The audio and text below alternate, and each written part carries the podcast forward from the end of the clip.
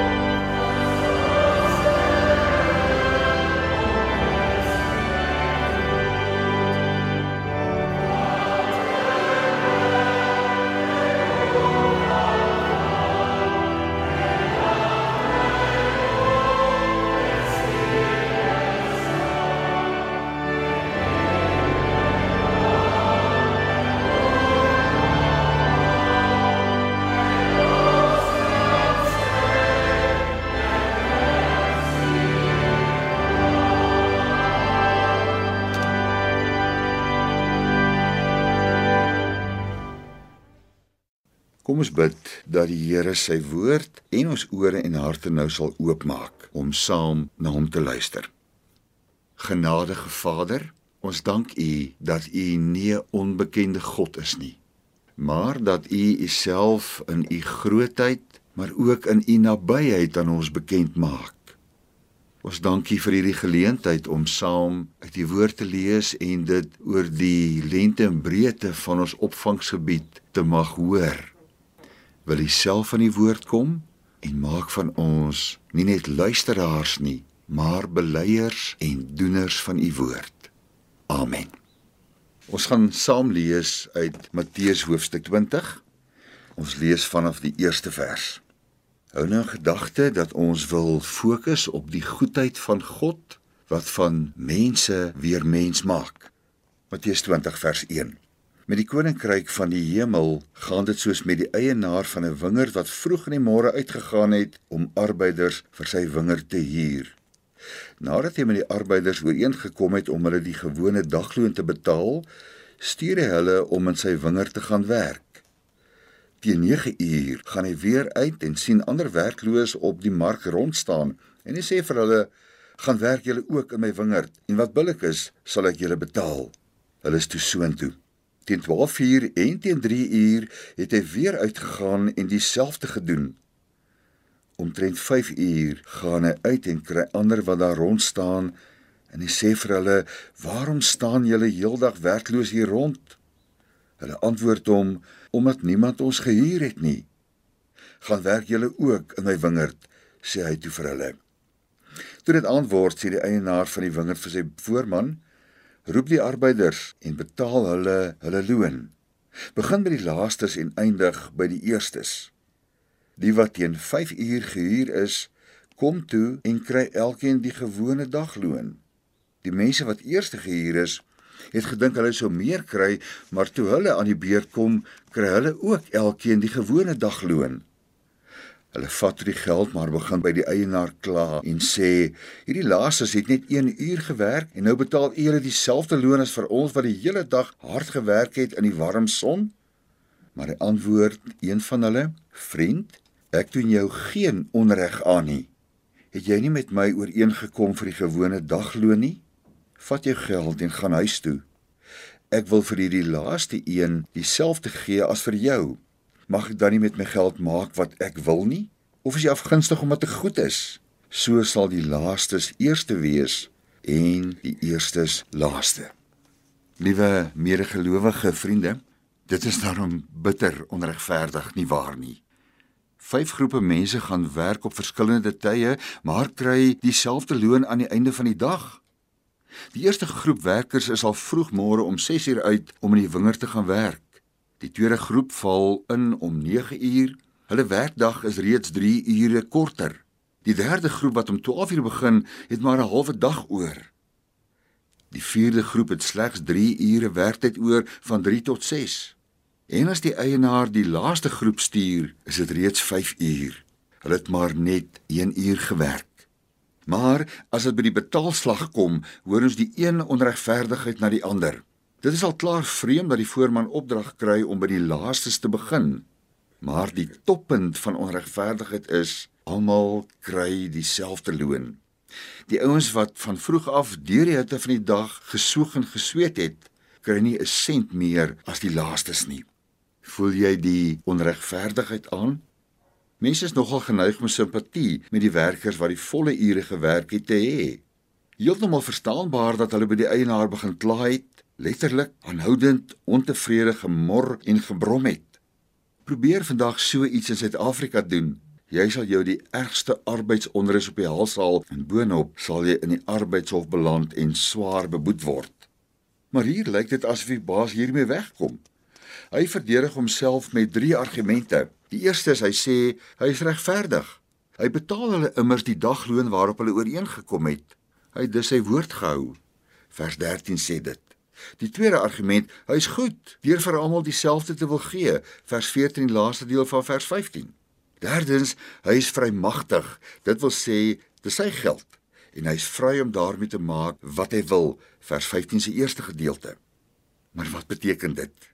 dat die Bybel onregverdige arbeidspraktyke goed praat en dat ons maar tevrede moet wees met die onregverdige basis en nikke en grille? Baie beslis nie. Of moet ons die skrifdeel bloot vergeeslik in die sin dat almal sonder eie verdienste maar hemel toe gaan? Ons moet dieper in die skrifdeel insak. Die gelykenis begin so: Met die koninkryk van die hemel gaan dit soos met die eienaar van 'n wingerd. En hiermee wil die Here vir ons leer hoe sy wingerd, sy genadige koninkryk, sy ingrype en heerskappy hier op aarde in ons daaglikse lewe moet grondvat. Die eienaar is die Here self. En dis nie om dowe neute dat hier gepraat word van 'n wingerd nie. Israel, die Here se volk, word in die Ou Testament dikwels as 'n wingerd beskryf. Wingerd vertel dus van die besondere verhouding tussen die Here en sy mense 'n verhouding waarin hy sy genade oor hulle uitstort, mense met wie hy baie moeite gedoen het en met groot sorg die beste wingerd wil maak, sodat hulle sy volk werklik 'n vol en gelukkige lewe kon lei. Maar wat maak ons mense dikwels? Ons degradeer mense tot masjiene wat dag in en dag uit moet voortkreun. Ons verlaag hulle tot een van die baie punte in 'n produksielyn waar elkeen moet sorg dat hy of sy hulle deel doen. Kyk sê die baas. Ek kan nie veel aan jou, my werker, se persoonlike lewe doen nie. Ek het eintlik niks daarmee uit te waai nie. In hierdie maatskappy fokus ons op produktiwiteit, die bereiking van doelwitte, op wins. En as jy nie kan sien nie, kry gewoon iemand anders. Produk, projek, proses, tyd en geld, dit is wat tel. Ons het mense produksiemasjiene gemaak. Hierdie produksiemasjien mentaliteit oorheers ons hele lewe. Het jy al gehoor? Jammer my vrou, jammer my man, jammer my kinders, ek het nie tyd om by julle te wees nie. Ek moet hierdie opdrag, hierdie stuk werk klaar maak. Onthou, ek moet hard werk om goed vir julle te sorg.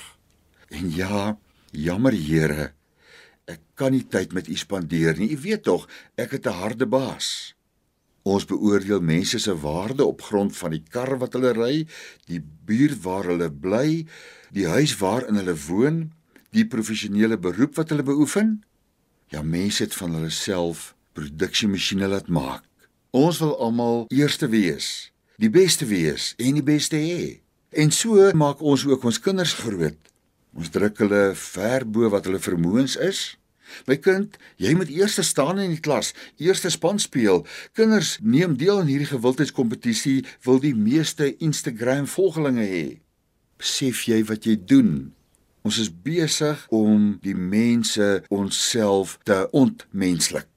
Natuurlik sit daar iets van 'n bevrediging daarin, veral as ons bo uitgekom het. Ek het verdien om hierdie posisie of so 'n groot bonus of daardie toekenning te kry. Ek het hard gewerk daarvoor. Ek verdien om meer as julle te kry. Daarom voel ons so verontreg as ons nie raak gesien word vir wat ons doen of nie beloon word vir wat ons dink ons verdien nie. sien? Ons leef soos die werkers in die gelykenis van koue berekenings. Maar ten diepste dink ons, maak ons prestasies ons menswaardig goed genoeg in ons eie oë en in ander se oë en waarborg dit die saligheid en die geluk waarna almal smag. Met my verdienste wil ek myself as ware in die hemele inpresteer tot by God. En liewe vriende, broers en susters, as jy dit nie maak nie, as jy nie beter as ander kan wees nie en nie kry wat jy dink jy verdien nie, die teendeel is ongelukkig ook waar. Wat dan? Dan tuimel ons totale menswees in mekaar. Kyk maar watter geweldige emosionele en geestelike impak het dit op iemand wat sy werk of sy plek in die eerste span verloor het. daarmee saam verloor so iemand ook sy of haar selfbeeld, gevoel van waarde en nut, sekuriteit. Ons voel beroof van ons menswaardigheid. Dit is hierteen wat die eienaar van ons skrifdeel proteseer, naamlik teen die ontmensliking van die mens. Dis die kernsaak waarteen hierdie gelykenis stry. Daarom moet ons weer goed luister hoe die gelykenis begin. Letterlik staan daar: Die koninkryk van die hemel is soos 'n mens, 'n eienaar wat vroeg in die môre uitgaan om arbeiders vir sy wingerd te huur. Hierdie man is 'n baas, hy's eienaar, maar hy is in die eerste plek mens. As Jesus dus hierdie gelykenis of hierdie verhaal vertel om te verduidelik hoe dit in die koninkryk van God werk, dan sê hy daarmee so werk God se hart. Hy gaan uit na die mense, nie omdat hy oor die werk wat gedoen moet word verleë is nie, nie in die eerste plek omdat hy produksie wil hê nie, maar omdat hy so menslik is. Hy gaan uit na die ontmenslikte mens die mens wat homself in sy soeke na eie waarde en in sy soeke na saligheid van sy of haar menswaardigheid laat beroof het. Sy waarom vraag wat hy net aan die laaste groep wat hy hier vra, onderstreep God se menslikheid. Waarom staan julle heeldag werkloos hier rond? Hy kon soos wat hy met die vorige groepe gedoen het, bloot koud en saaklik gebly het en eenvoudig amper uitgeblaf het, gaan werk in my wingerd en dan sou hy bloot produksie wou gehad het. Maar nee, hy vra eers, soos toe twee blindes na hom gebring is en reeds twee keer uitgeroep het, net so eentjie verder in Matteus 20 Evangelie: Here, seun van Dawid, ontferm U oor ons. Hy kon tog raak sien dat hulle blind is en dat hulle genesing daarvan sou wou hê. Maar hy vra eers: Wat wil julle hê moet ek vir julle doen? Hierdie uitvraag teken sy opregte meelewing, sy omgee, sy belangstelling in die mens as mens. Vriende, broers en susters, ons Here wil mense in sy wingerd hê. Elke keer as die eienaar uitgaan om mense te huur, is dit nie bloot omdat hy produksie wil sien nie, maar ter wille van hulle. Omdat hy hulle deel van sy wingerd wil maak, wil inbring in sy koninkryk onder sy genadige heerskappy. Hy wil hê dat mense in 'n verhouding met hom moet leef, nou al op aarde al, nie net eendag in die hemele nie. Hy wil mense red van die ontmensliking en hulle weer mens maak, soos hy ons bedoel het om te wees. Gelukkige en volwaardige en vervulde waardige mense. Nee, nie mense wat dink dat hulle waardigheid, hulle saligheid en geluk afhang van hulle eie verdienste nie.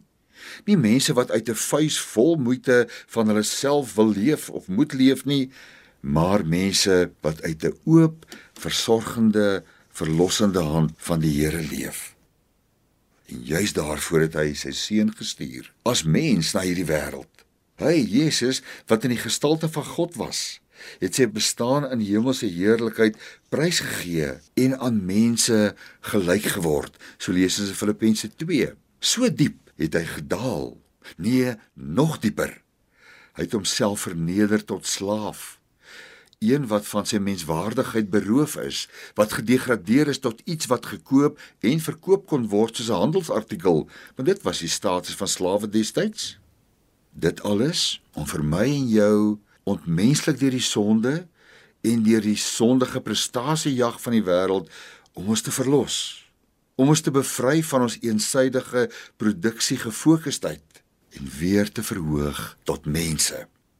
Jesus is die ware wingerdstok en gelowiges die lote ingeplant in die wingerdstok waardeur die nuwe lewe met God ons kan binnevloei sê jy nog dat die eienaar onregverdig is om die wat laaste begin werk het dieselfde te betaal as die eerstes? Al wat onregverdig is, is die feit dat Jesus onregverdig gelei het vir iets wat hy nie gedoen het nie. Maar as jy hom beskuldig van onregverdigheid, dan vra God vir jou vandag, liewe luisteraar, vriend, mag ek dan nie met my geld maak wat ek wil nie? Of is jy afgunstig omdat ek goed is? Dis die skerpunt van hierdie gedeelte. Die gelykenis vertel van God wat goed is. In sy optrede teenoor mense is en was hy nog altyd gedryf deur sy goedheid in die Ou Testament en die duidelikste in Jesus Christus. En sy goedheid beteken nie dat hy onregverdig is nie. Hy neem ons niks van die een weg om vir die ander te gee nie. Sy goedheid beteken dat hy in sy vrymag aan alle mense die volle loon wil gee, die volle genade al kom hulle ook laaste net voor Chaila tyd by die wingerd aan. Sy vrymag is beslis nie 'n willekeur in die sin dat ons nooit weet wat ons aan hom het nie. Dit sê bloot dat hy vry is om aan almal dieselfde, die volle genade te gee en hy hoef dit aan nie een van ons te verduidelik nie. Ons God werk nie met koue berekenings nie maar volgens sy goedheid, volgens sy genade en liefde, dit is sy waardestelsel. Trouwens, die een wat eerste was en in terme van die gelykenis in Jesus se tyd, die Jode met al hulle prestasies, hulle geestelike prestasies en elke mens vandag wat dink hy verdien beter as ander, mag dalk uitvind dat hulle laaste is eenvoudig omdat jou prestasie jou nie meer mens of beter mens of meer aanvaarbaar vir God kan maak nie. Eenvoudig om jou prestasies nie vir jou die saligheid kan bring nie. Net sy goedheid bewys in Jesus kan dit doen. Vriende, broers en susters, ons skrifdeel wil nie antwoorde op die arbeidsvraagstuk in Suid-Afrika of in die wêreld gee nie. Dit wil nie regverdiging bied of antwoorde gee oor onbillike vergoeding nie. Dit wil ook nie sê dat ek maar net 'n uur kan werk en dan dieselfde salaris as ander wat heeldag gewerk het kan verwag nie. Daaroor praat ander dele van die Bybel, byvoorbeeld in 2 Tessalonisense 2, 1 Timoteus 5, Kolossense 3 en so voorts. Nee.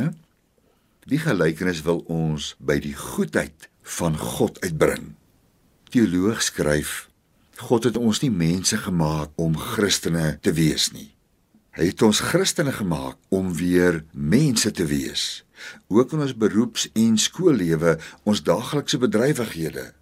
Het jou weer van 'n produksiemasjien tot mens van God verlos. Is jy tevrede om net dit te wees? Met al die talente en geleenthede, tyd en vermoëns wat hy jou gee, Of voel jy nog heeltyd gedruk om bo almal uit te presteer?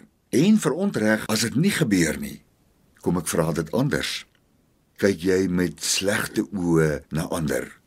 Of soos wat die vertaling vertaal, is jy afgunstig omdat God goed is aan almal? Na jou mening verander meer gee as wat hulle behoort te kry? Gun jy ander om ook mens van God te wees? Onthou, Die rotteresies is aan en is net 'n rot wat wen. Ek en jy is nie rotte nie. En net ek en jy kan hierdie sogenaamde redreis beëindig. Liewe vriende, die werkdag is nog nie verby nie. Die uitnodiging gaan voort. Kom, kom word deel van my wingerd. Enige tyd is nou nog betyds. Maar ook, liewe gelowige, ook nooit die gelykenis ons om na die wêreld, na ander mense te kyk, nie met 'n slegte of gunstige oog nie, maar met dieselfde goeie oog as God. Want die wêreld kan nie leef van koue berekenings nie. Kan nie 'n leefbare plek vir almal word as prestasies en produksie ons baas is nie. Ons wêreld kan net leef van menslikheid, soos God se menslikheid, van goedheid, verdraagsaamheid, begrip en liefde. Dis waartoe die Here vir jou en my gelowiges oproep. Sorg dat jy dieselfde goeie oog as God gebruik. Amen. Kom ons bid saam. Ons Vader in die hemel, ons dank U dat U selfs tot aan die uiterste toe gegaan het om vir ons mense wat onsself ontmenslik het weer mens te maak. Ons dankie dat U hierdeur aan ons die hoogste status, die beste plek hier op aarde geskenk het. En ons bid besonderlik vir mense wat ly onder die ontmensliking wat daardeur hulle eie geluk, hulle waarde probeer verdien. Ons loof U dat U dit in Christus gedoen het oortuig ons deur u gees van hierdie heerlike waarheid. Ons bid dit in die naam van die woord wat mens geword het, Jesus ons Here. Amen. Ons gaan nou saam sing uit lied 516.